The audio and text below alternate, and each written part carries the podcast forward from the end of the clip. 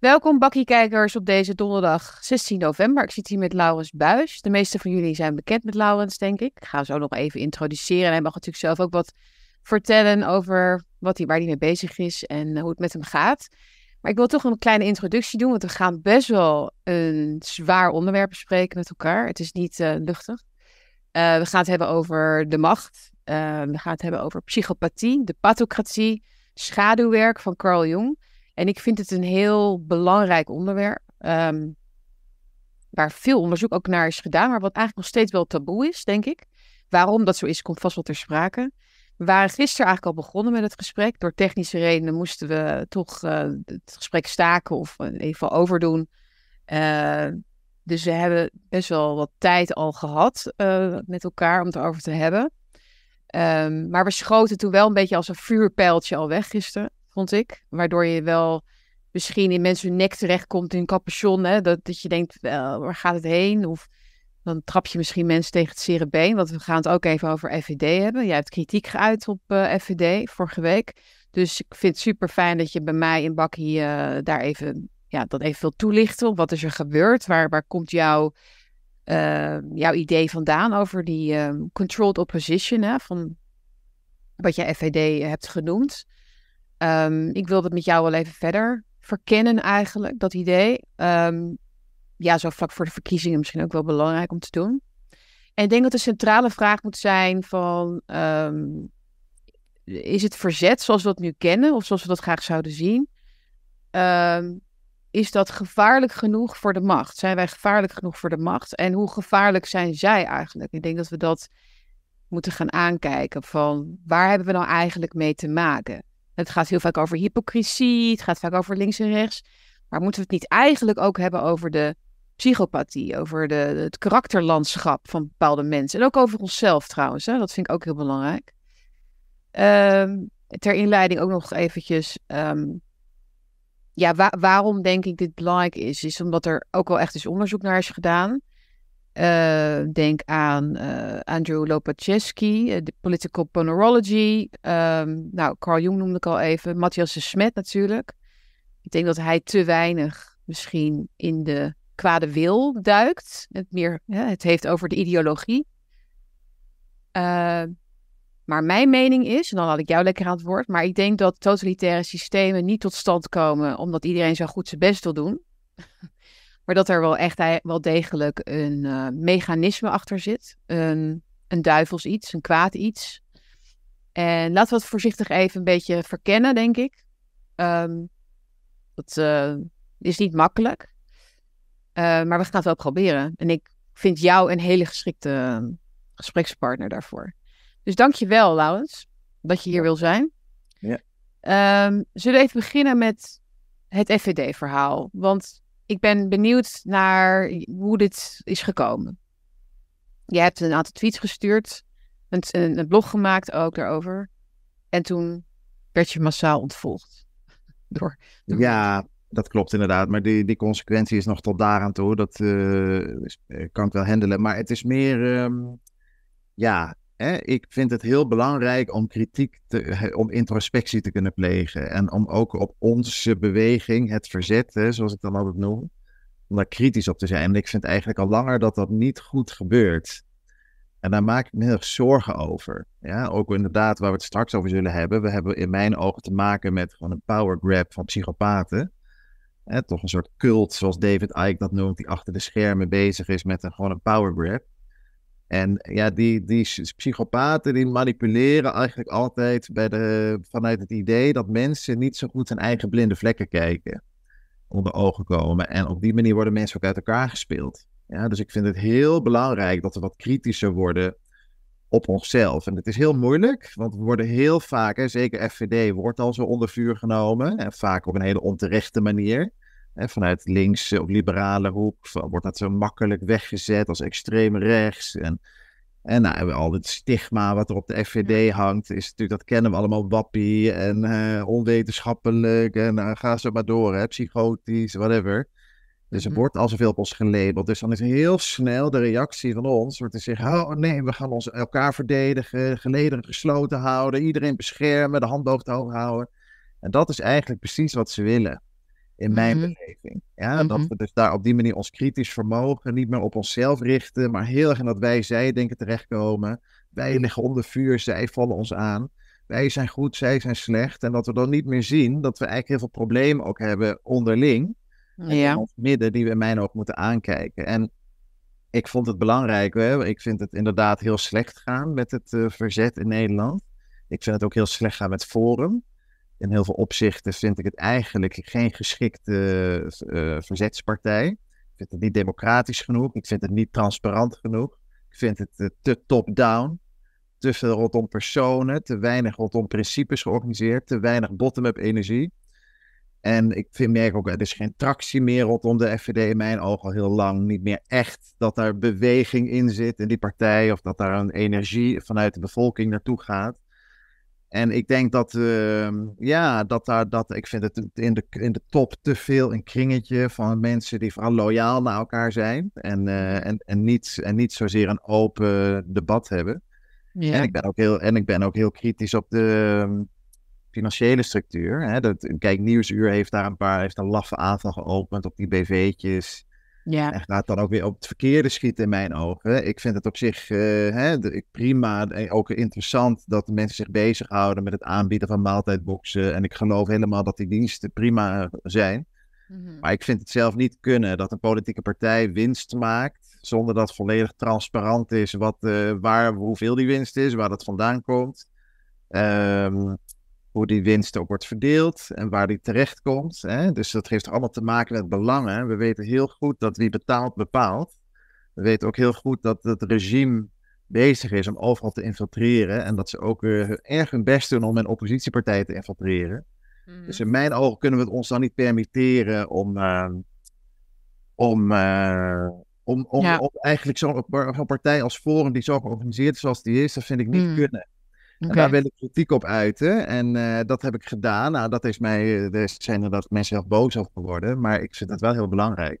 Ja, nou zou je natuurlijk kunnen zeggen, ja, een par- partij als FVD eh, doet, het, doet het juist goed als ze zeg maar spiegelen wat de macht doet. Hè? Dus jij zegt, ja, ze zijn veel te veel bezig in hun eigen top, top-down, zeg maar. En ehm, het, gaat niet, het is niet democratisch genoeg. Of zij denken natuurlijk ook van, ja, wij, het, het, het praten, dat, dat, dat creëert alleen maar, maar on- onrust. Wij willen juist ook die leiding pakken. En ehm, in feite, hè, eh, we willen niet allerlei stoorzenders. We willen juist.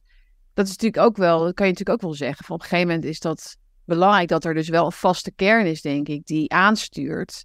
En eh, zegt van dit is waar de partij voor staat. Ik zeg ik even. Hè? Dus als, dat zou dan de kritiek kunnen zijn erop. Van ja, democratie is leuk, maar op een gegeven moment moet je kunnen doorpakken. Dus dat is misschien ook wel wat FVD nu meer is geworden, inderdaad. Dat er een bepaalde harde kern is, een vaste kern is die, ehm, die het bepaalt hè, waar, waar de onderwerpen over gaan, waar, waar het naartoe gaat. En jij zegt eigenlijk van ja, dat is niet, dat is niet genoeg. Dat is, dat is te weinig. ehm, Nou, kijk, zo wordt het ook vaak gelegitimeerd. Hè, vanuit forumkringen ook. Van nou, er zijn, eh, we hebben natuurlijk de Ja 21 vleugel, die verraders gehad. En eh, ja. op een moet je de gelederen sluiten. ja, misschien bedoel ik dat wel, ja. Mhm. Ja, en moet je op een gegeven moment, hè, je, je kunt het niet permitteren om maar iedereen binnen te laten. Dus ik snap wel de beweging, ik snap wel hoe het ook ver- verantwoord kan worden, maar dit is dus juist niet wat we moeten doen. Het is echt, als we het regime van een antwoord willen voorzien, en echt waar het regime bang van wordt, is een brede democratische volksbeweging met een Mhm. geluid waar mensen van links tot rechts zich in kunnen vinden. We moeten ook echt dat links-rechts onderscheid achter ons gaan laten. En Forum zit nog veel te veel op de rechterflank. Die Ja. doen geen hand, die zien daar hele goede dingen. Wat ze zeggen qua rechts, daar hebben ze ook overal gelijk in. Maar ze doen geen enkele handreiking naar links. En ik weet uit ervaring, er zitten een hoop mensen op links, gematigd links. Die, willen, eh, die zien echt wel hè, dat er problemen zijn met woke, dat de coronaprikken niet klopten, dat, eh, dat het gewoon niet klopt aan alle kanten. Maar die gaan niet zomaar in een partij als Forum in springen als zij niet ook de, wat garantie krijgen dat de belangen die zij, eh, waar zij waarde aan hechten, dat die daar geborgd worden. En het is nu dus niet echt vanuit de bottom of van de samenleving. Er is geen aansluiting. De partij heeft geen wortels met de bevolking. En het is Mhm. echt belangrijk dat er een breed volksverzet komt. Nou, en in mijn ogen, daar schrijf ik ook in dat blog over. Ja. we niet naïef zijn, dan wil ik vooral de forumleden een spiegel voorhouden. Van jullie hebben dus jullie zijn allemaal zo kritisch de hele tijd en terecht op, op al die partijen en dat controlled opposition zou zijn, zoals BBB en NSC. En uh, in mijn ogen helemaal terecht. Maar ik mis dan, als je die kritiek zou je ook op je eigen partij moeten toepassen. En ik, ik zie zelf, zowel in het gedrag van de partij als in de organisatie van de partij, de structuur, maar ook uh, uh, ja, de, de financiën, zie ik zoveel rode vlaggen. Ik heb niet echt hard bewijs, maar ik heb altijd zo, wat die complotdenkers altijd zeggen is, van die komen vaak tot hun conclusies door connecting the dots, door de mm. punten met elkaar te verbinden. Nou, ik zie heel veel punten bij Forum, als die kan ik op een hele nare manier aan elkaar verbinden. Mm. Ik zeg niet dat ik daarmee gelijk heb, ik heb dat gevoel van wel. Maar ik vind het wel apart dat we in deze tijd, kennelijk onderschatten heel veel mensen toch nog steeds het gevaar van dit totalitaire regime. Ze infiltreren alles. Het bedrog Ja. gaat heel ver. En Ja. dus je kunt Daar krijg, je, daar krijg je mij ook wel mee. In dat je laatste. kunt eigenlijk alleen een partij vertrouwen hè, die, eh, die zo transparant opereert dat het, ja, dat het niet kan. Dat het niet kan dat daar een hijack plaatsvindt. Nou, en zo transparant is Forum helaas niet. En dan ben ik van de school. In Mhm. deze tijd is het totalitaire regime zo on- on- vergevorderd. Eh, Als het nu niet transparant is en niet duidelijk is hoe die partij functioneert, dan is het denk ik foute boel. Ik heb in mijn blogs eh, daar ook wat over geschreven. Ik wil op zich niet deze discussie laten verzanden in is Forum nou een onderdeel van het complot of niet? Want dat doet er eigenlijk niet zoveel toe. Ik wil vooral wijzen op de resultaten. Hè? Dus de. Forum doet het niet goed als partij. Ze zijn te klein, ze hebben te weinig tractie, er is te weinig aantrekkingskracht, er is te weinig diversiteit aan meningen. Mhm. Dat is wat ik, eh, wat ik zie. Heel veel mensen- een deel punten ben ik het eens. En eh, ik ben het niet met je eens, zeg ik er even bij, dat, dat, dat Forum voor Democratie controlled opposition is. In de zin dat ze bewust bezig zijn met het frustreren van een verzetspoging. Hè, of een poging om de macht inderdaad uit te dagen. Om eigenlijk ons verder in dat moeras te laten zakken. Wat, dit, wat ik denk dat inderdaad BBB en NSC aan het doen zijn. Ons verder dat moeras in te trekken, maar dan met een beetje beter gevoel over onszelf of zo. Ik denk dat FVD niet, niet die fake oppositie is. Maar ik ben wel met je eens dat controlled opposition een breder begrip is. In die zin dat, dat, dat het ook een beweging is waar de macht van denkt. Denkt, voor zover je dat denken noemt. Maar het is ook een, de mechaniek die er is. Die mechaniek niet wordt bedreigd eh, door het bestaan van FVD. Dat ze het eigenlijk ook gebruiken om hun eigen dictatuur, onderdrukking te legitimeren. Kijk, wij leven in een democratie. Kijk maar, we hebben een partij als Forum. En, en, en eh, ja, houdt, het, het, het, het is ook olie voor hun machine. Hè, door een partij op vijf zetels te houden.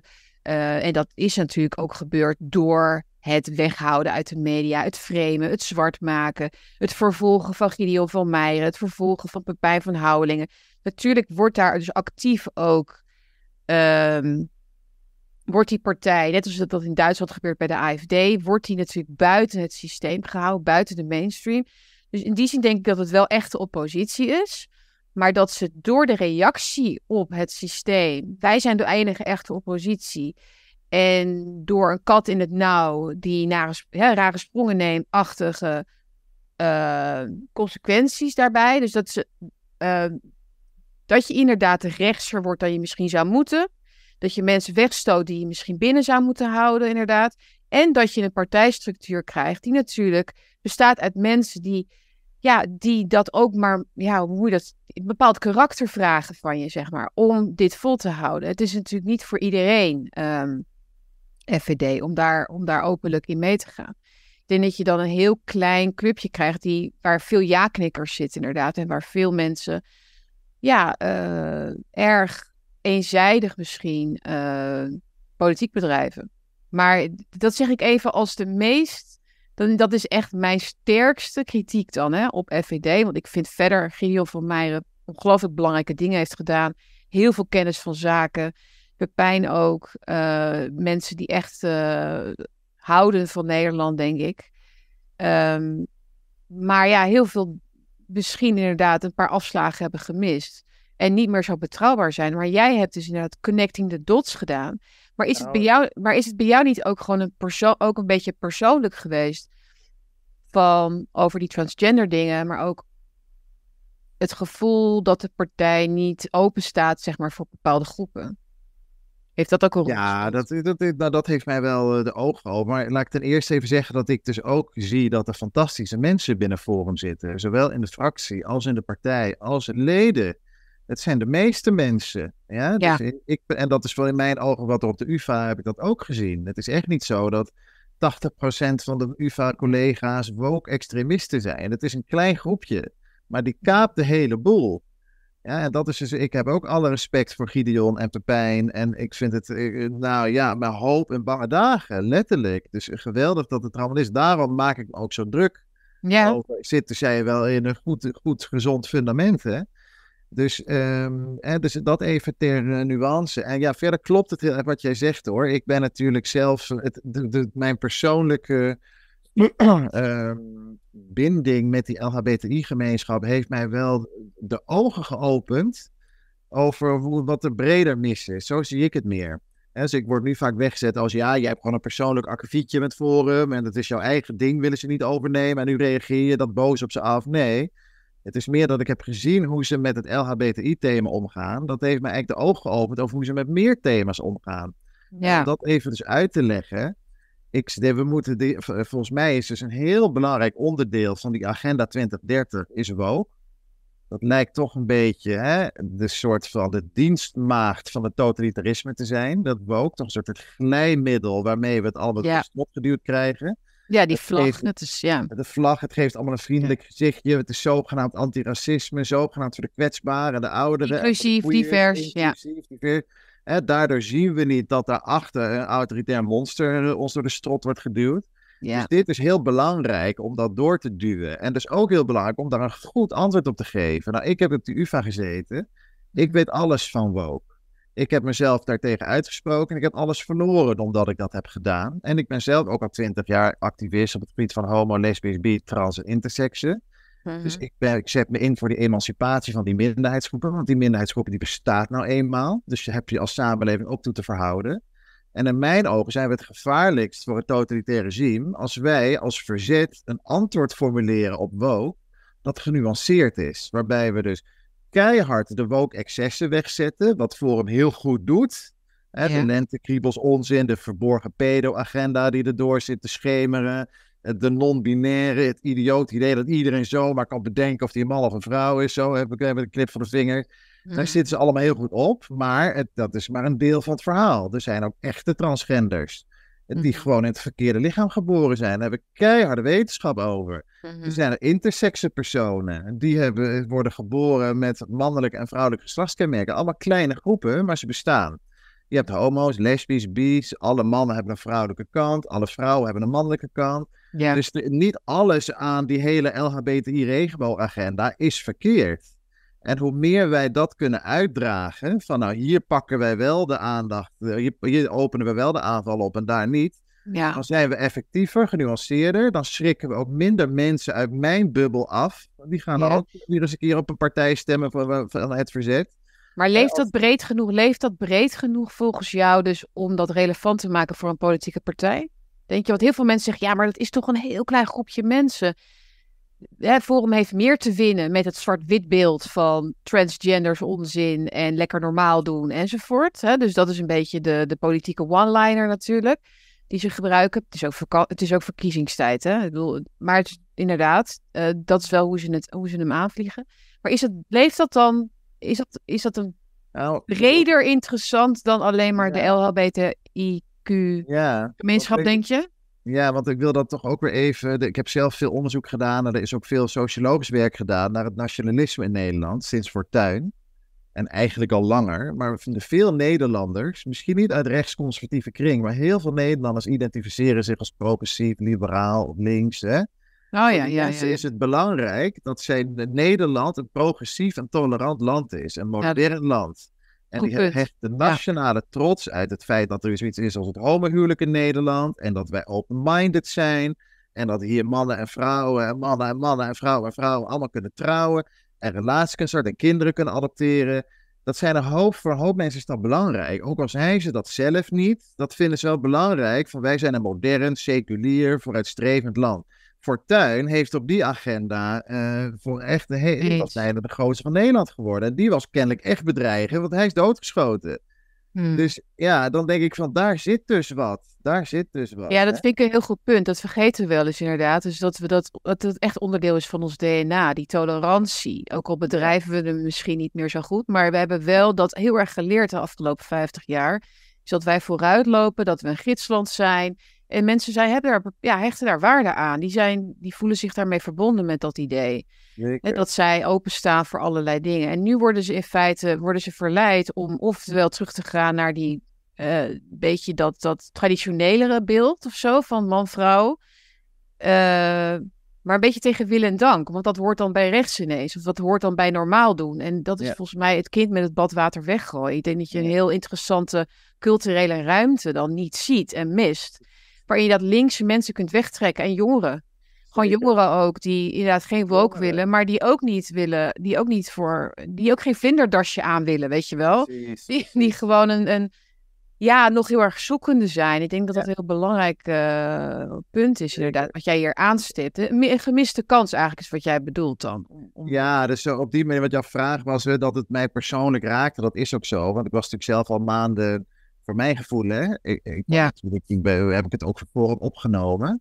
Op mijn socials en in mijn interviews heb ik ook gezegd, mm er mij nog op terecht is, van nou, deze partij wordt gedemoniseerd. Ja. dat is onterecht. En ze doen heel veel goede dingen. Kijk nou eens naar de fantastische toespraken van wat Thierry uh, geweldige dingen soms zegt. En Gideon en, ja. en Pepijn, kom op. Hé. Dat kunnen we toch niet allemaal zo even een grote zwiepert wegzetten als slecht. Dus het, ik, uh, ik, ik wilde inderdaad een soort ander kritisch geluid laten horen dan wat we normaal horen op forum. Ik wilde me daarvan distancieren, van die makkelijke kritiek. En meer van, uh, van binnenuit zeggen van, ja, wel scherp. Ik snap, want ik heb, ben ook best wel genadeloos over forum. Ik heb er zelf ook geen vertrouwen meer in dat het met die partij goed komt. Dus dat, en dan maakt het dus niet uit. Dat vond ik ook goed hoe jij dat uh, nuanceerde, Sietske. Van het maakt dus niet uit of het nou hoe gecontroleerd het is, of ze echt het WEF daar aan tafel zit in geheime vergaderingen.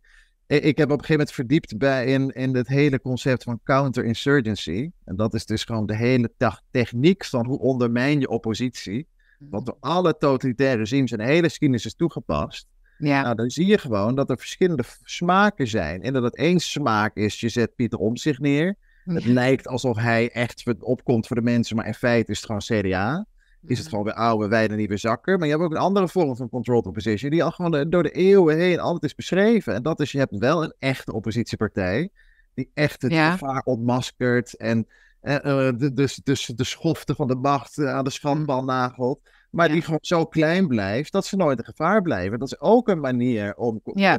te controleren. En, en, en, maar tegelijkertijd uh, ook, ook hebben ze goede intenties, of ook al willen ze echt iets veranderen, tegelijkertijd een instrument, een functie van die macht zijn dus, hè, wat ik net al zei. Dat is zo belangrijk voor mensen om te begrijpen, hmm. is dat onze dialoog, ons debat, onze uh, discussie over wetenschap, al die goede dingen, weet je, zijn allemaal een bijdrage die wij leveren eigenlijk aan het in stand houden van de fictie dat we in een democratie leven kijk, eh, als wij zeggen van we zijn ongehoord Nederland, dan zeggen mensen natuurlijk aan de andere kant, ja, maar jullie mogen toch op tv? Jullie hebben toch jullie podcastkanalen, jullie hebben toch jullie eigen kranten? Ja. Dan val ik ook altijd even stil. Dat is inderdaad zo. En dat, en, ehm, dus je, je, je, je, je levert onbedoeld een bijdrage inderdaad aan de, de window dressing, zou je kunnen zeggen, van, van een systeem wat natuurlijk absoluut niet geïnteresseerd is in hoor en wee, of hè, in, in beide kanten, of in diversiteit. Of... dat is een hele pijnlijke waarheid, nou. Dus dat is, dat is heel moeilijk. Want wat moet je dan? Want jouw kritiek op FVD wordt door veel mensen natuurlijk gezien als een, ja, uh, pijnlijk, hè? Als een, als, een, als een gestrekt been. En dit helpt ook niet. Hè? Dat, dat heb ik bijvoorbeeld ook bij mensen die zeggen: ga niet stemmen, bijvoorbeeld begrijp ik ook, zoals ik jou ook begrijp. Ik begrijp het allemaal. Het helpt niet. Laten we elkaar nou vooral nog maar, maar steunen. Ja. Uh, als Baudet hier nu tussen zou zitten, zou hij ook zeggen van ja, luister, uh, ik doe het tenminste, ik sta er tenminste. Ja, Uh, ik weet het niet. Ik denk dat een mens heeft maar zoveel energie. Je kunt het in de politiek stoppen, of in je eigen leven, of in iets, eh, of inderdaad nog in een ander idee. Ik weet het niet. Um, nou, maar het, het begint, maar het begint wel met de kennis daarvan hebben, denk ik. Het laten zien hoe makkelijk het dus is om, uh, hoeveel redenen er zijn om toch maar weer de deksel op de beerput te schuiven. En om niet kritisch op elkaar te zijn. En inderdaad ja de gelederen te sluiten. is ook een manier om elkaar de hand boven het hoofd te houden. En niet eerlijk te zijn over de dingen die er niet goed gaan. En ik geloof er niet in dat dat de route is. Ik snap dat het dis disruptief is wat ik doe. En vervelend. Het is ook al, alles het laatste wat ik wil is mensen moeten niet stemmen. Ik vind dat mensen zeker moeten stemmen. Alleen ik ga niet stemmen omdat ik gewoon geen partijen zie dit keer die, waar ik echt vertrouwen in heb. Maar ik hoop dat dat de volgende keer wel zo is. Dus ik ga echt niet zeggen stop definitief met stemmen. Dat, van die school ben ik niet. Hmm. Maar ik vind het wel heel belangrijk om, om, uh, om vuile was die wij hè, tot nu toe verbergen, om die wel gewoon buiten te hangen, want anders eh, wordt het nooit schoon. Maar jij zegt controlled opposition, FVD, dan gaan we naar het hoofdonderwerp hoor. Maar controlled opposition, omdat ze dus niet transparant zijn, zeg jij. En omdat ze, uh, jij had het ook zelfs nog over de naam of zo, voor, of dat stuk weer. ja, goed. Maar, uh, ja, dat is meer, ja, ik uh, ik probeer omdat, omdat, omdat, ze niet, omdat ze dus niet het succes uh, hebben of zo. Ik zie dus een aantal sporen. Ik vind de financiële structuur niet deugen. Een gebrek aan transparantie. Ik vind niet dat er een, een geldmachine mag ontstaan uit het verzet. Ik vind dat niet goed. Dat er vanuit dat op, op de, over de ruggen van leden grof wordt verdiend. Want dat is volgens mij aan de gang. En mhm. ik zie inderdaad in de politieke stijl zie ik ook de sporen van controlled opposition. Dus te veel op de rechterflank. Niet je best doen om links en rechts tegenstellingen te overbruggen. Mhm. Eh, en ook daar dus heb ik al vanuit dat LHBTI-thema dat geprobeerd te doen. En nou, als iemand daar toch vertrouwen in zou mogen krijgen, ben ik het, zou je zeggen, nou wat ik heb meegemaakt. Mhm. Geen centimeter mijn kant op bewogen. Dus ja, dat is allemaal bij elkaar, waardoor ik denk, uh, hier kloppen dingen niet. En inderdaad, ik wil ook nog even terugkomen op wat jij net zei over hoe makkelijk het is om dingen die niet kloppen toch te legitimeren. Want je kunt met eindeloze redenen zeggen van, ach ja, maar wat hebben we anders? En we moeten ook constructief blijven. En dit is ook geen oplossing wat jij er met gestrekt benen in. En dan gaan we toch maar weer door zoals het gaat. En dan verandert er niks. Nou, ik wil daar even zeggen, ik heb de UvA ook meegemaakt. Ik zat al drie jaar in dat instituut te klagen over hoe de dingen gaan, over dat het steeds autoritairder werd, over dat vrijheid van meningsuiting onderuit ging. En nu gaat dat prima hoor. Ik was heel kritisch, heel scherp. Doordat ik toch bleef, legitimeerde ik het instituut ook. Dus al die kritische medewerkers, studenten die in mij een belangrijk rolmodel zagen, die dachten: oké, nou ja, Laurens, die, uh, hij heeft nog zijn baantje als directeur bij de Summer School. Hij, heeft nog zijn, uh, hij is nog close met de directeur. Dus je wordt ook op deze manier gecorrumpeerd. Zij vinden het prima dat je kritisch bent, in zolang je maar in het systeem bent. Ja? Ik werd pas echt gevaarlijk en ik kreeg pas alle messen in mijn rug toen ik in die mhm. klokkenluidersregeling dook en zei: Zo, en nu is het klaar. En nu wil ik dat hier uh, vanuit de, recht mensen meekomen kijken, want die schending van grondrecht. Nou, toen was het opeens. Toen moest ik eruit. Hè? Dus dat was, dan ga je zo'n grens over. Maar het is toch de, voor mij al heel goed geweest dat ik eruit ben gegaan. En ik denk dat we allemaal in deze moeilijke tijd voor keuze staan. Dat we echt ook uit systemen moeten breken die niet meer goed zijn. Hoe moeilijk dat ook is, maar daarin blijven hangen is niet de oplossing. Mm ja, oké. Ehm, nee, ik vind het interessant. Ik, vind, ik denk dat de kijkers en luisteraars hier misschien een beetje op moeten kouwen eerst nog. Maar ik denk dat het goed is, ook omdat het nu zo enorm speelt. Hè? Ehm, het verlangen naar verandering zit ons vaak ook de weg. Hè? We willen zo graag dat het, dat het dan toch wel enigszins iets doet hè? De, vanuit de politieke route. Maar het is, we hebben te maken, ehm, eh, denk ik, echt wel met een enorm groot monster, noem ik het er maar even. Wat het zich niet kan permitteren om te verliezen. We hebben het over die grote agenda's. We hebben het over de, de globalisten, de globalist agenda. Noem ik het even. Die kan het zich helemaal niet permitteren dat, het, dat er een omwenteling komt. Dus we moeten denk ik alle verzet, alles wat er is, ook door die bril zien. Um, ja, en ik denk dat uiteindelijk dat het systeem zichzelf gaat opblazen. Dat is wat ik denk. Omdat we hier te maken hebben, en dan komen we bij het onderwerp waar ik heel graag met jou over wil praten. De pathocratie, de, de psychopathie bij de macht. Omdat uiteindelijk een systeem wat wordt geleid door narcisten, door psychopaten, door sociopaten, dit soort mensen, zichzelf uiteindelijk ten gronde zal richten. Helaas wel met vaak veel slachtoffers. Uh, en uh, zoals uh, Andrew Lobachevsky ook schrijft in zijn boek, de, het totalitaire systeem, de totalitaire staat, is uiteindelijk eigenlijk het sluitstuk van de pathocratie. Als er heel veel psychopaten aan de macht komen, je creëert een systeem waarin geen ruimte is meer voor menselijkheid, dan ontstaat dat totalitaire systeem. Dat is wat je krijgt. Dat is niet alleen maar omdat Hitler zo slecht is of Stalin zo slecht is, maar omdat het hele systeem in een soort symbiose van slechte, kwaaie mensen en volgers alleen nog maar kan kapotmaken. Hè? Dus, en ik vind dat we daarin zitten. Dat is heel ernstig ook. Ehm, ik denk niet dat we mensen moeten gaan aanwijzen als de psychopaat of wat dan ook. Maar ik denk wel dat we uh, het gesprek hierover moeten beginnen. Um, wat, hoe kwam jij eigenlijk op dat schaduwwerkverhaal? Want dat is er voor nodig, hè? dat zegt Carl Jung onder andere, om te voorkomen dus dat we in die vicieuze cirkel zitten, in die neerwaartse spiraal komen van, van, uh, van, van genocide, despotisme, noem het maar op. Ja, ik, uh, ja, dus ik vind dus uh, vanuit dat idee van hè, die psychocratie, dus dat idee dat deze orde, die, die totalitaire orde die nu wordt opgetuigd door psychopaten, van een cult van psychopaten, uh, ik, ben, ik denk dus zelf niet dat dat per se een natuurwet is dat dat vanzelf instort. Er zit wel een inherente Achilleshiel in. Mhm. Maar het is juist zo spannend nu, omdat het echt van ons afhangt. Uh, Daarom ben ik ook nu een beetje het boel opschudden. We moeten wel adequaat reageren. Het is, het is, het is echt gevaarlijk. Hè? Dus psychopaten zijn echt heel erg gevaarlijk. Dus dat is, het wat, dat is niet te onderschatten. En pas, dat is ook wat Jung zegt. Pas als je het beest helemaal in de bek kijkt, dat is eigenlijk ook waar schaduwwerk over gaat. Mm. Hè, dus je kunt ook helemaal door de duisternis kunnen we naar het licht. Hè? Dus dat zegt Jung ook over deze tijd. Jung is ook bezig gehouden met astrologie bijvoorbeeld. Ja. Hij beschreef ook deze tijd vanaf 2021.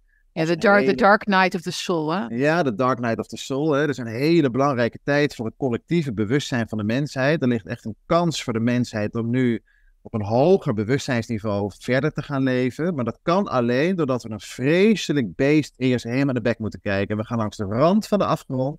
En als we dan adequaat reageren, dan trekken we misschien net nog wat laatste restjes beschaving weg uit de rand van de afgrond en overleven het in ieder geval als soort. Hè? Dus zo schrijft Jung daarover. Hmm. Dus dat is inderdaad allemaal vrij heftig. En we moeten dus wel adequaat reageren. En mij heeft het wel geholpen om dus veel na te denken over wat is nou eigenlijk een psychopaat en, en, en hoe ver gaat dat. En ik denk dus ook dat een Jungiaans perspectief op wat psychopathie eigenlijk is best wel helpt. Want je hoort eigenlijk daar niet zoveel over vanuit Jung. Dus dat is uh, waar ik ook mijn blog over heb geschreven. Zou ik daar misschien wat over zeggen? Hoe ja, dat, zeker, ja. Dus dat, um, en wat is een belangrijk concept inderdaad in het denken van Jung. Kijk, Jung die zegt eigenlijk van de menselijke psyche is opgebouwd uit een aantal archetypen. En dat zijn eigenlijk symbolische structuren. Betekenisgevende structuren die eigenlijk universeel bij de mens, ongeacht cultuur, zitten deze symbolische structuren in onze uh, psyche. En mhm. hij zegt dus dat is ten eerste het zelf, eigenlijk mhm. vier grote oh, de, de persona heeft hij het dan over. De persona, dus het zelf is eigenlijk de, je persoonlijkheid. Hè? Dat mhm. kun je ook wel zeggen als je ziel. Dus eigenlijk toch vanuit het idee van je wordt hier op aarde geboren al met een persoonlijkheid die je in je leven gaat ontdekken en steeds verder gaat ontwikkelen. Maar, maar als, je, maar als je persona niet meer je voorkomen, Jij zegt het is wel echt je diepere. Ja, maar ik ben dus echt, ik het echt over het archetype van het zelf. Dus zo noemt hij dat. Oké, ja. De zelf. Dus de vier grote archetypen zijn het zelf, de schaduw, de animus en de anima. Klopt. En ja. het zelf wordt ook wel, nou, is ook een archetype waarin eh, allerlei culturen veel over is, uh, in symbolen en in kunst is gevangen. En dus eigenlijk is het zelf het idee dat alle mensen een persoonlijkheid hebben waarmee jij geboren wordt en die jij gaat die in jouw leven steeds meer ontdekken. Dus je komt steeds dichter bij jezelf eigenlijk door het leven te leiden. Val je steeds verder af van hoe de samenleving jou geprogrammeerd heeft, maar kom je steeds meer achter hoe je zelf echt bent. Ja? Nou, en dat, dat um, dus hij, Jung zegt eigenlijk van er is een groot probleem met, met dat zelf, want we leven in een patriarchale cultuur was een cultuur die 12.000 jaar geleden is begonnen met de landbouwrevolutie. Mhm. En die cultuur die heeft eigenlijk in die vier archetypes een disbalans veroorzaakt. Dus veel mensen hebben een niet goed ontwikkelde vrouwelijkheid. De anima. En de vrouwelijkheid zit niet goed in de persoonlijkheid geïntegreerd van mensen. En dat is een probleem, want anima, dat archetype van de anima, dat is eigenlijk Hè, dat is, dat, hoe beter je daar, hoe beter je dat in je persoonlijkheid geïntegreerd hebt, hoe meer contact je hebt met het spirituele, met het intuïtieve, met het, je empathische vermogen, met ook uh, nou ja, het bovennatuurlijke eigenlijk. Hè? Dus dat is eigenlijk een hele belangrijke kwaliteit van mensen waar wij van vervreemd zijn geraakt. Hè? Nou, en dus dat is waar we allemaal een beetje last van hebben. Dat er dus een disbalans is in die, in die, in die gender, in die krachten in ons, zeg maar. Die mannelijkheid en die vrouwelijkheid. En dan krijg je dus, uh, dan is er een stuk van de persoonlijkheid, daar hebben heel veel mensen last van. Die hebben een vrouwelijke deel van hun persoonlijkheid niet goed geïntegreerd. En ja, dat deel is er wel. En wat je dan krijgt, is dan krijg je dus een deel van je persoonlijkheid waar je geen controle meer over hebt. En dat gaat zich dan afreageren en uitleven. Ja, projecties noemen ze dat. Projecties, dat noemde ja. Carl ook projecties. Inderdaad. En, daar kun je dus heel goed aflezen hoe, wat scha onze schaduw is, kun je dus goed aflezen aan de projecties Exact. die mensen, collectief ook, dus uiten op de ander. Dus de projectie bijvoorbeeld naar jij bent een fascist of jij bent een uh, hè, dus, maar ook de projectie volgens mij van dat, van dat vrouwelijke, wat jij noemt. Dat is een belangrijk onderdeel inderdaad van elke man en elke vrouw. Uh, maar wat wij projecteren nu is die, die, die dat reddersyndroom van we moeten de planeet redden, we moeten het klimaat redden, we moeten mensen, arme kindjes in verre landen. Dus we hebben wel degelijk een, een overreactie, denk ik. Uh, een soort empathie die natuurlijk niet echt is, maar gekunsteld. En um, door dat niet goed geïntegreerde, echte empathische, denk ik, wat we missen, uh, dichter bij huis voor onszelf zorgen bijvoorbeeld. Um, en dat spirituele wat jij noemde, dat is ook een groot gemis, denk ik, in de moderne mens. En dat is vaak van veel vluchtig, hè? dus veel, veel focus op snel, makkelijk geluk. Uh, in plaats van diepere zingeving. Zeg ik het goed of niet? Ja, dus ik, maar ik denk dat die, die projecties is denk ik heel belangrijk in het, in het schaduwwerkverhaal. Maar sorry. Ja, dat zegt ga verder. altijd. Hè? Van je kunt op een gegeven moment stukken, en als jij stukken in, in jouw persoonlijkheid niet geïntegreerd hebt, jij kunt ze wel ontkennen. Ja. Omdat, jou, omdat je ervoor schaamt of omdat je je leven lang daarvoor bent weggelopen. Ja. Of misschien zo erg dat je niet eens bewust van bent dat je die stukken in je persoonlijkheid hebt, maar ze zijn er. En die gaan, dat is dus inderdaad, dan ga je dus onbewust, ga je die projecteren, afreageren, gaat zich dat uitleven, gaat zich dat op Ja. andere manieren in jouw leven manifesteren. Dus ik denk ook precies wat jij zegt, dat juist omdat we nu dus zo slecht, hè, we toch in een vrij narcistische samenleving leven, waar we heel slecht met elkaar verbonden zijn en hè, Ja. dat we dan allemaal dingen gaan feinzen. Ja? Dus onbewust gaan we dat empathisch mogen feinzen in de vorm van woke, eh, hyperpolitiek correct, klimaatbezorgdheid.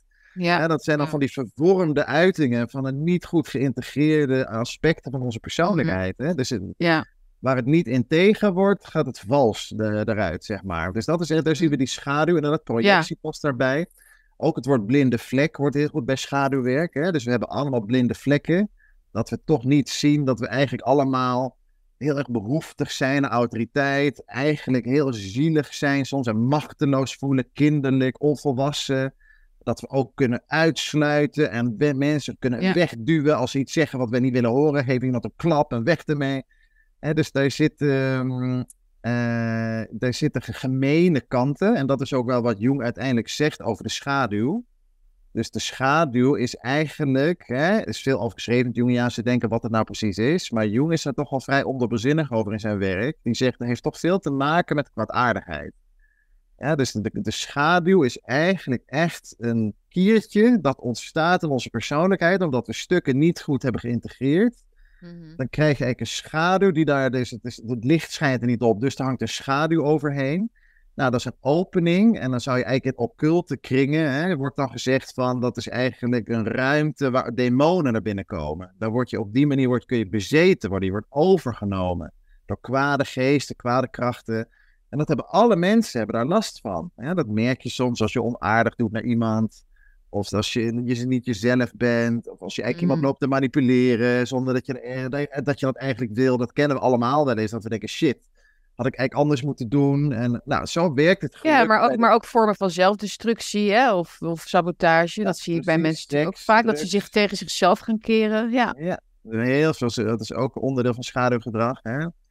Dus eh, gelukkig is het zo dat de verreweg de meeste mensen, die eh, weten wel van zichzelf dat ze schaduwzijdes hebben, dat ze minder mooie kanten hebben. Die zijn er ook wel op aanspreekbaar, als vindt niemand dat leuk, hè. En is dat Mhm. altijd vervelend en stroef. Maar gelukkig is het bij de meeste mensen, dat is het mooie aan mensen. Die willen wel openstaan voor introspectie, voor feedback, voor kritiek. En dan nogmaals, dan kan het soms even een paar weken bekoelen of maanden tussen mensen, maar die vinden elkaar wel weer en dan gaan we wel groeien als persoonlijkheid. En dat is dus Mhm. wat Jung zegt, dat is eigenlijk schaduwwerk. Dus dat moeilijke werk van je lelijke kanten aankijken, elkaar spiegelen, confronteren, Ja. Naar jezelf kunnen kijken van god, ik ben eigenlijk niet alleen eh, Mark Rutte is een engert, maar er zit ook eigenlijk een Mark Rutte in mij soms. Hè? En dat is eigenlijk veel enger om over te hebben, want in hem zien we het allemaal wel. Maar om het in jezelf te zien is niet zo leuk. Ja? Dus, maar gelukkig kunnen de meeste mensen dat wel. En daarom groeien de meeste mensen. Nou, en wat is er ja. dan met, met psychopaten aan de hand? En dat is dus het, vanuit schaduwwerkperspectief interessant. Die hebben dus hun hele leven nooit enig schaduwwerk gedaan. Dat zijn mensen die door een specifiek jeugdtrauma. Die kunnen het eigenlijk niet aan om zelfkritiek te verdragen. Dus die hebben nog nooit enig zelfkritiek toegelaten. En die mensen, hun persoonlijkheid, het archetype van het zelf, wat die mensen eigenlijk zijn, die wordt er steeds weer overgenomen door hun schaduw. En dus Ja. bij een echte psychopaat is op een gegeven moment de situatie zo dat de schaduw heeft de hele persoonlijkheid overgenomen. Dus Ja, het, licht gaat letterlijk van binnenuit eigenlijk. ja, het licht Zo- gaat uit. Er is Ja. niemand meer thuis. Hè? Je hebt Ja. dus ook geen, de anima, de vrouwelijke kant van je persoonlijkheid is helemaal onderdrukt.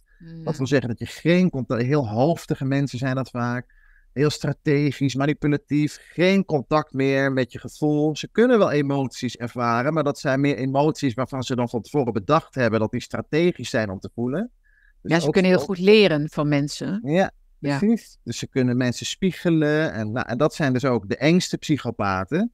Dat noemen we dus high-functioning psychopaths, hoogfunctionerende psychopaten. Ja, die zitten niet in de gevangenis, maar zeggen. Die zijn niet in de eigenlijk die zitten in het hogere, in het bedrijfsleven, hoog, in hoge functies, in de politiek natuurlijk, in de media. Klopt, ja. Ja, die zijn zo goed in zichzelf weer aanpassen. Hè? Dat zijn de echte chameleons. Dat zijn de gevaarlijkste psychopaten. Ja, want psychopaten hebben vaak ook weinig last van stress of van angst. Eh, dus dat zijn natuurlijk allemaal handige hè, bijkomstigheden. Dus als je een stressvolle baan hebt, dan is het makkelijker als je nou, niet bezig hoeft te zijn met hoe anderen zich voelen. Exact. Eh, dan kun je beslissingen nemen. Dan kun je, ja, dat, dat is inderdaad wat we zien natuurlijk. En het is op een gegeven moment, hè, wat het bizarre is, want omdat de meeste mensen zo niet zijn en zich ook geen voorstelling erbij kunnen maken dat iemand zo kwaadaardig kan zijn, dat is precies waar ze gebruik van maken. Dus zij doen hun schofterige gedrag altijd in plain sight. En ze doen het ondenkbare, omdat ze denken, nou, een gewoon mens bedenkt niet dat ik zo ziek ben, dus ik, daarom doe ik het. Hè?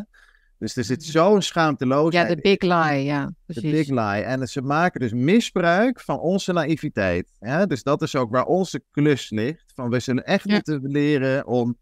De, van oké, de- het kwaad is gewoon helaas. Ja, het kan bij een klein groepje mensen zo groot zijn dat we dat hermetisch moeten dichttikken. Dat niemand die ruimte in kan nemen. En dat betekent dat we dus kritisch moeten zijn naar elkaar. Dat we eh, meer transparantie moeten eisen. Dat we eh, nou ja, eh, echt eh, de gelederen in dat opzicht ook energetisch gewoon goed gesloten moeten houden. Omdat anders dit soort typetjes erin gaan kruipen. Mhm. En, en wat het belangrijk is aan psychopaten. Kijk, psychopaten weten van zichzelf dat ze geen normale mensen zijn. Dus die zijn de hele dag aan het liegen. Die zijn de hele dag aan het bedriegen en manipuleren. Dat vinden ze ook leuk. Dat dat lukt op bepaalde manier. Want dan zijn ze dus iedereen te slim af. En ze Ja. voelen zich eigenlijk ook beter. Dat, dat hen dat dus lukt. Dat ze iedereen kunnen bedriegen. Dus er er zit een schaamteloze manipulatieve kant in deze mensen. Ja? En dat is heel belangrijk om dat te gaan beseffen dat deze mensen bestaan. Er is ook gelukkig een andere kant aan de psychopaat. En dat is hun grote zwakke plek. En dat is, je ziet hun angst niet zo snel. Maar ze Mhm. zijn eigenlijk heel bang. Het zijn bange kleine kinderen, zoals het ja, eh, wel eens is beschreven. Ik zou mensen ook zeker aanraden om het boek van Jan Storms te lezen. Het over destructieve relaties. Het gaat echt over één op één relaties. Dus tussen mensen, tussen partners, tussen ehm, ja, op het werk. Hè? Dus dat soort, dat soort eh, sociale omgevingen. Wij hebben het natuurlijk meer echt over de politieke arena, de maatschappij in brede zin. Waarin het ook echt onderdeel van het systeem is geworden. Maar het gaat eigenlijk één op één over hetzelfde, denk ik. Het is inderdaad in het klein hetzelfde als in het groot. Want wij zien dat de macht, wat de macht bij ons doet nu, is keihard inderdaad het projecteren van dingen. Het ons, ons beschuldigen van dingen die zij doen. dat is ook een heel belangrijk aspect van psychopathie. is inderdaad het weten. Daar, daaruit blijkt dus dat ze het weten dat ze doen. Dus ze zeggen, ze hebben het over desinformatie. Ze hebben het over, uh, wat is het allemaal, racisme en fascisme. En als je kijkt naar de praktijken van de macht, dan kun je dat eigenlijk één op één bij hun zien. Het liegen, het bedriegen. En ze kiezen hun slachtoffers uit om daar de schuld te leggen.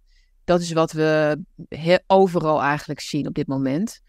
En de kunst is denk ik inderdaad om dat te zien, om het te begrijpen, zodat als je het begrijpt, dat je het ook kunt ehm, ja, dat je jezelf er letterlijk tegen kunt beschermen. Ik denk dat dat het woord moet zijn. Dus dat je een schild hebt, dat je ziet, oh, dit is gaslighting. Oh, dit is, een, uh, dit is het afleiden van, van het onderwerp. Dit is een, inderdaad een, keiharde leugen. Um, en niet een leugen van, oh ja, het, is, het is maar politiek, wat veel mensen dan zeggen. Van het is maar politiek, ja, iedereen ligt in de politiek. Nee, het is, stel, het is zo stelselmatig dat het ook echt bedoeld is om mensen te ontregelen. Om ons gevoel van onder en boven, denk ik, uh, ja, onduidelijk te maken. Of ons gevoel te destabiliseren. Dat is eigenlijk het doel van. Op te zetten. Ja, zodat wij aan onszelf gaan twijfelen, aan ons realiteitsbesef, aan onze mentale gezondheid. Ben ik nou gek? Ik denk dat iedereen dat wel eens heeft gehad met iemand. Hè? De, de emotionele vampier heten die dan, noem ik die dan.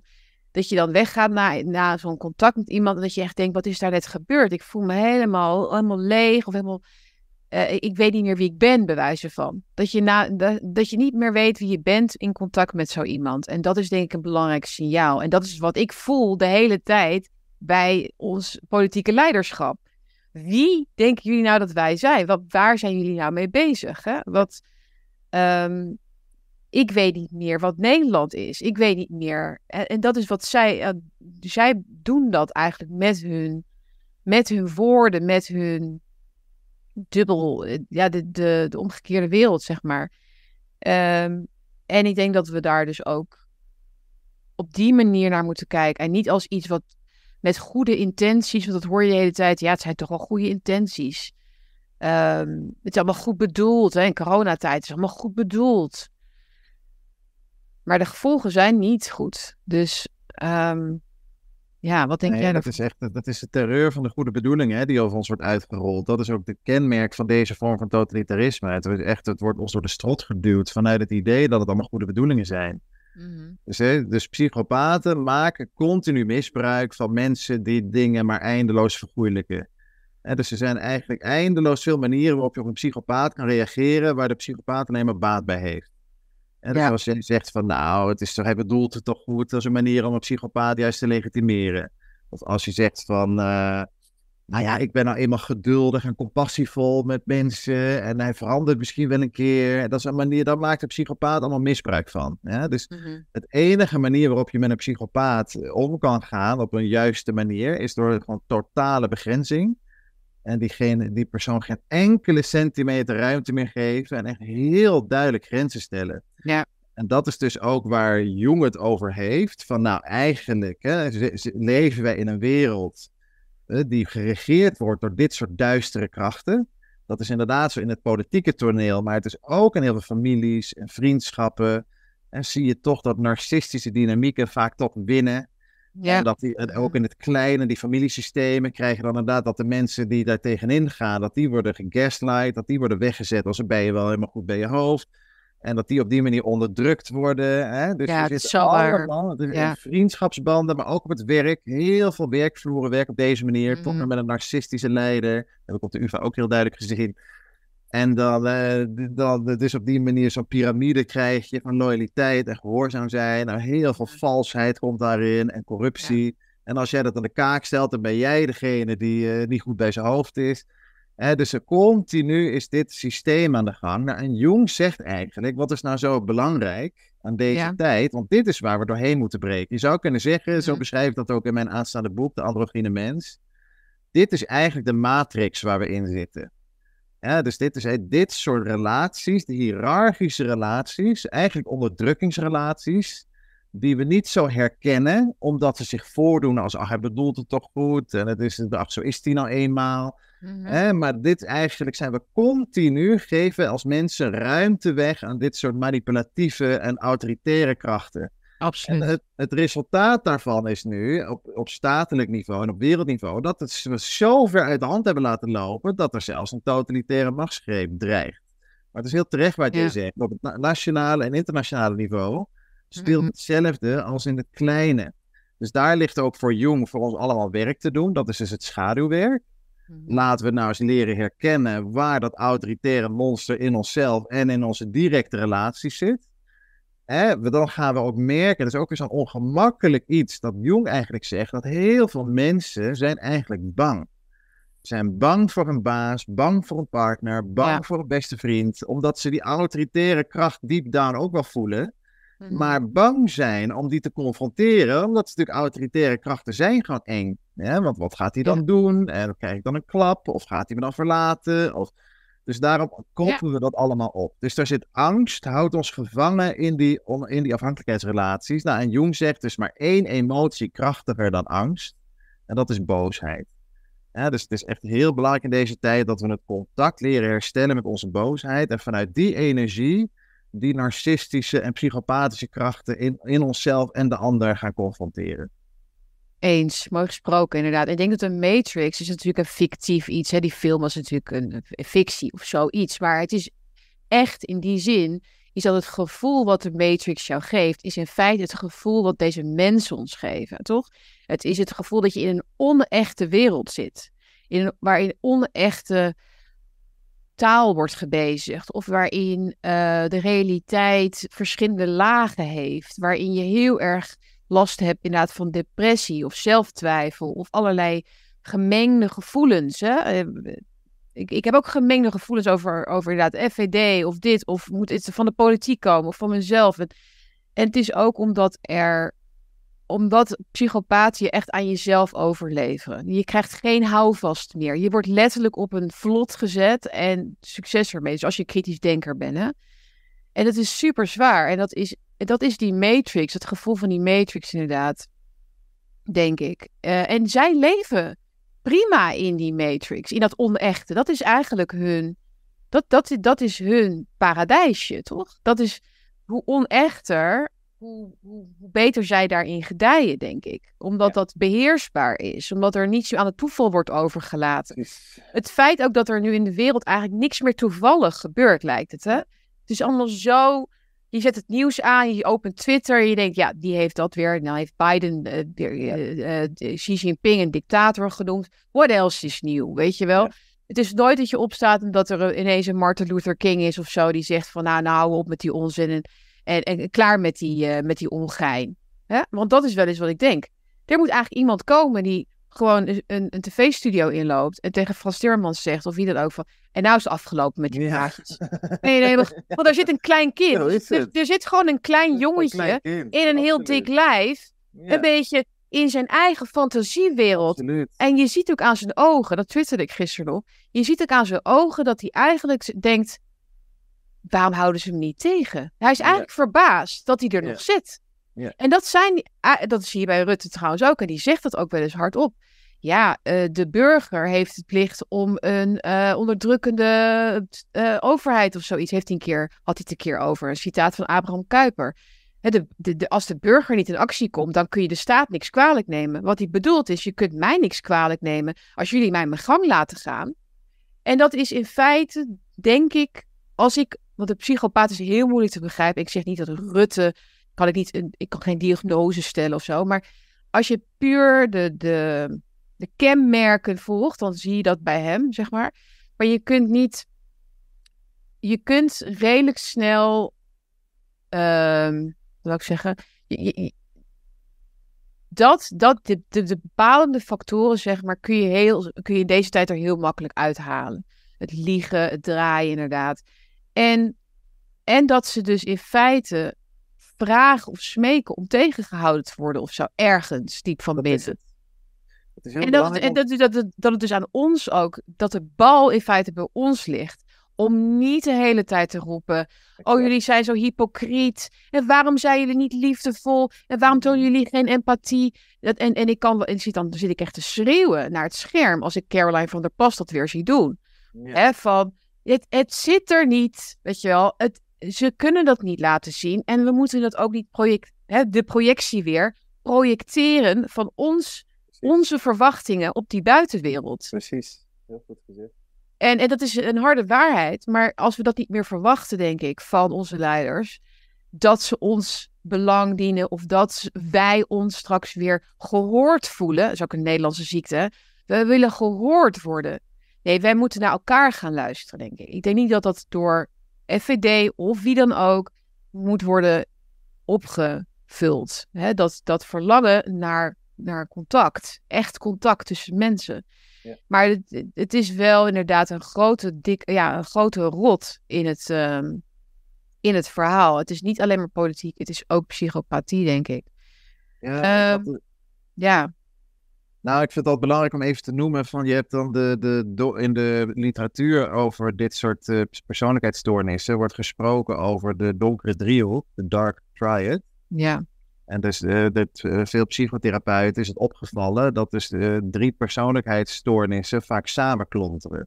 En dat is dus psychopathie en dat gaat over het gebrek aan empathie. En narcisme gaat over persoonlijkheidsverheerlijking. En dan heb je Machiavellianisme en dat gaat over manipulatie. Ja, dus die drie dingen die klonteren vaak samen. En dat is eigenlijk wat je ziet, is dus wat deze mensen dan gemeen hebben met elkaar. Eigenlijk wel waar zij aan lijden, Hmm. is dat ze in een hoofd gevangen zitten. En daar sluit, dat sluit ik zo goed aan met wat jij zei over ze zitten in een soort illusie. Ze kunnen dus niet vanuit het gevoel, dat kompas zo, daar zijn ze te bang voor. Om de wereld met alle onzekerheid tegemoet te treden. Van wat zal er vandaag gebeuren, morgen, dat kunnen ze niet aan. Dus alles gaat in dat hoofd, alles wordt geprogrammeerd. Een soort traumarespons van vroeger. En er zijn vaak hele slimme mensen, hoogfunctionerende psychopaten, hebben vaak enorm intellect. Dus Ja. die schrijven heel meeslepende boeken en ze kunnen fantastische lezingen geven. Ze zijn vaak hoogleraar of minister-president. Of, hè, dus dan zie je het. En dan, ook als je dan naar ze luistert, dan denk je, nou, die mensen zijn zo getraind in het denken. Dat zijn de meeste mensen niet. Want de meeste mensen voelen gewoon ook een heel groot deel in het leven. Deze mensen hebben nooit leren voelen. Dus die zijn zo overgestimuleerd in het denken dat we ons daarmee laten intimideren. Eigenlijk is de waarheid, zeg jij ook heel terecht, deze mensen zitten gevangen in hun gedachten. Daar zit eigenlijk een heel bang kind achter, die vooral gehoord wil worden en begrensd wil worden. Mhm. Eigenlijk zeggen psychopaten onbewust: stop mij alsjeblieft, want ik trek de Ja, hele wereld ik- kapot. Echt waar. Dus zolang jullie dat niet doen, ga ik Ja. maar door. Dus dat zo Ja. je psychopaten lezen. Stop mij. Ze schreeuwen: stop mij. Want daar zit hun hulp. Ja?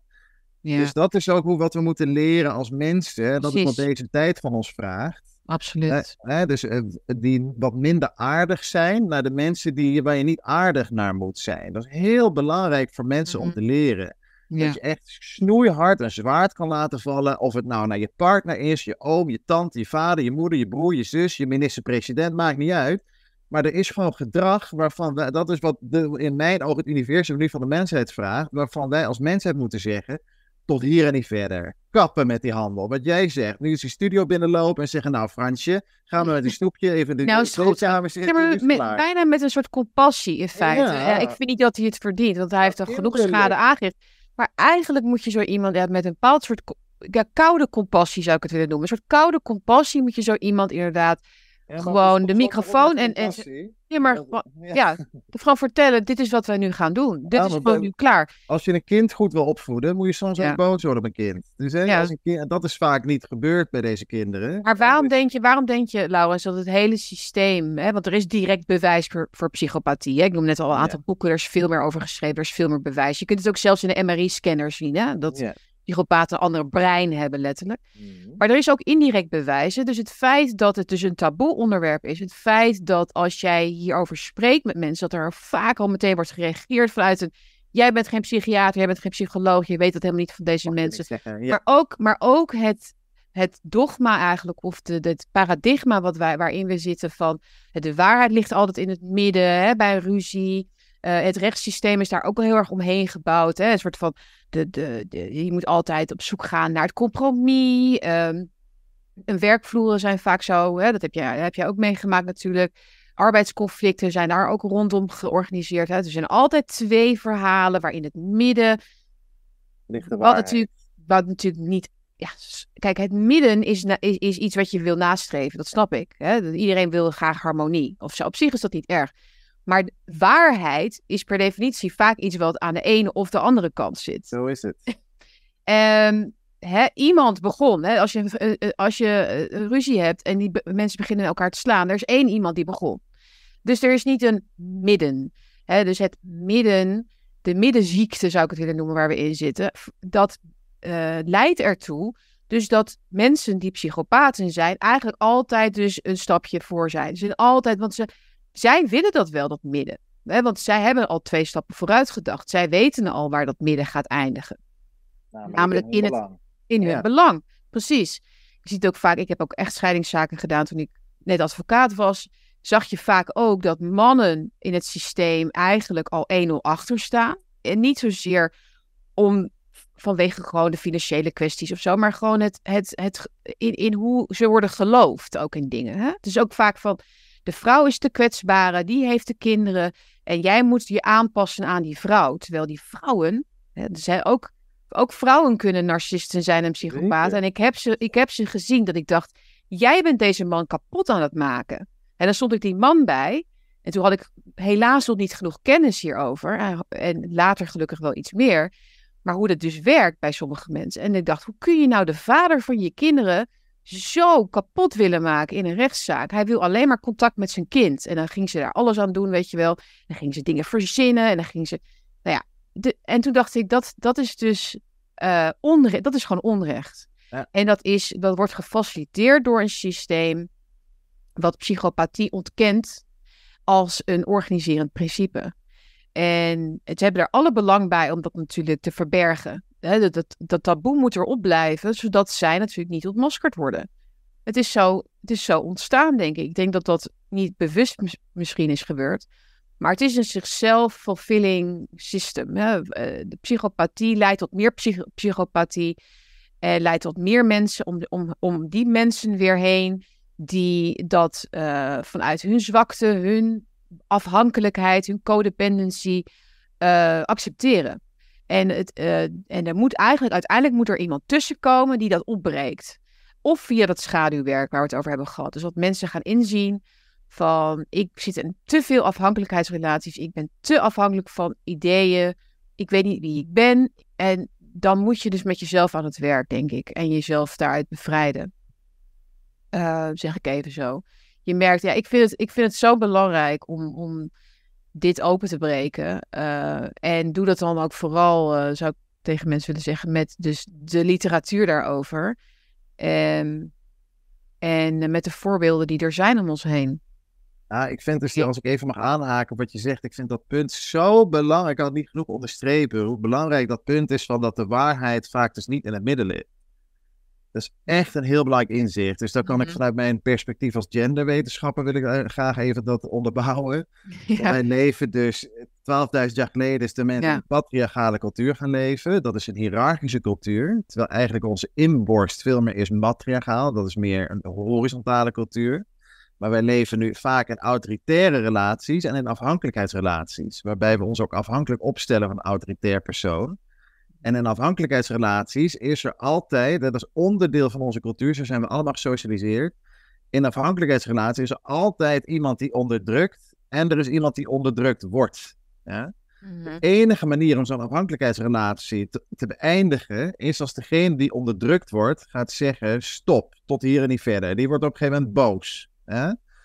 Dan is dus op dat moment niet het, het, eh, de oplossing om te zeggen: Oh, er is iemand boos, nou de waarheid zal wel in het midden liggen. Nee, er is op dat moment juist iets heel belangrijks gebeurd. Namelijk de onderdrukte heeft gezegd: Ik eh, heeft eindelijk haar of zijn grens aangegeven. Het is een heel belangrijk moment. En vaak zie je dan dus komt tussen de narcistische manier om dan toch weer het conflict te beslechten en zijn voordeel is door te zeggen: ach ja, maar je wordt ook wel heel boos en dit is nooit een oplossing en de waarheid zal in het midden liggen. Nee, die ligt daar niet. Maar als de narcist de waarheid in ieder geval een keer wegtrekken bij de onderdrukte, al komt hij in het midden te liggen en niet bij hem, dan heeft hij al gewonnen. Ja, dus het is, hier ook geeft weer het belang aan van deze tijd is een heel belangrijk om grenzen aan te geven en om dat ondubbelzinnig te doen. Ja, heel goed. Waarmee je dus volgens mij niet zegt dat jij dus altijd gelijk hebt als het niet in het midden ligt. Maar het gaat erom dat het uitgangspunt dat niet mag zijn. Het uitgangspunt mag gewoon niet zijn bij twee mensen. Nou, zoals je tegen twee kinderen kunt zeggen, zoals ik tegen mijn zoontjes wil eens zeggen van, hou allebei op hiermee. Dat vinden ze heel erg trouwens als ik dat doe.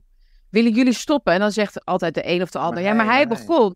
En ik heb nu geleerd dat ik daar toch even soms naar moet luisteren. Want ja, dan, anders, voelt, anders voelt die ander altijd alsof Weet je wel, alsof zijn, ja, zijn, ja, nee, precies. Dit gaat dus al mis in het opvoeden van heel veel oh, kinderen. ja, ja omdat je als ouder wil je, wil je dat het gewoon stopt. Hou eens op, hou eens op met dat Je moet oog hebben voor de machtsongelijkheid in dat conflict. Heel goed, heel belangrijk. Maar misschien, ja, precies, want misschien heeft de oudste wel die koekjes afgepakt. En is het ook gewoon even dat die jongste even een stomp geeft. En terecht. Terecht, om even terecht. te lezen. Precies. En, ja, heel goed. Nee, maar zeker bij jongens, het is wel iets waar ik op moet letten. Ehm, lukt, hè, dat lukt mij dus ook niet altijd. Maar dat is wel ja, iets uh, waarmee je een boodschap geeft voor later. Dat het het waard is om, om, dat het ook zin heeft om voor jezelf op te komen. Want als jij overal leert dat je toch uiteindelijk het gelijk moet delen met iemand. Iemand die waarschijnlijk denkt, haha, dat heb ik even mooi geregeld. Als je het altijd maar hoort van mensen, van je onderwijzers, van, van je werkgevers, dan op een gegeven moment dan, ja, dan ga je er gewoon maar een beetje, dan berust je dus maar gewoon in jouw gelijk, of zeg je dat, of, of je ongelijk, maar je, je krijgt niet het recht, jou wordt geen recht gedaan op het moment dat er wel iets aan de hand is.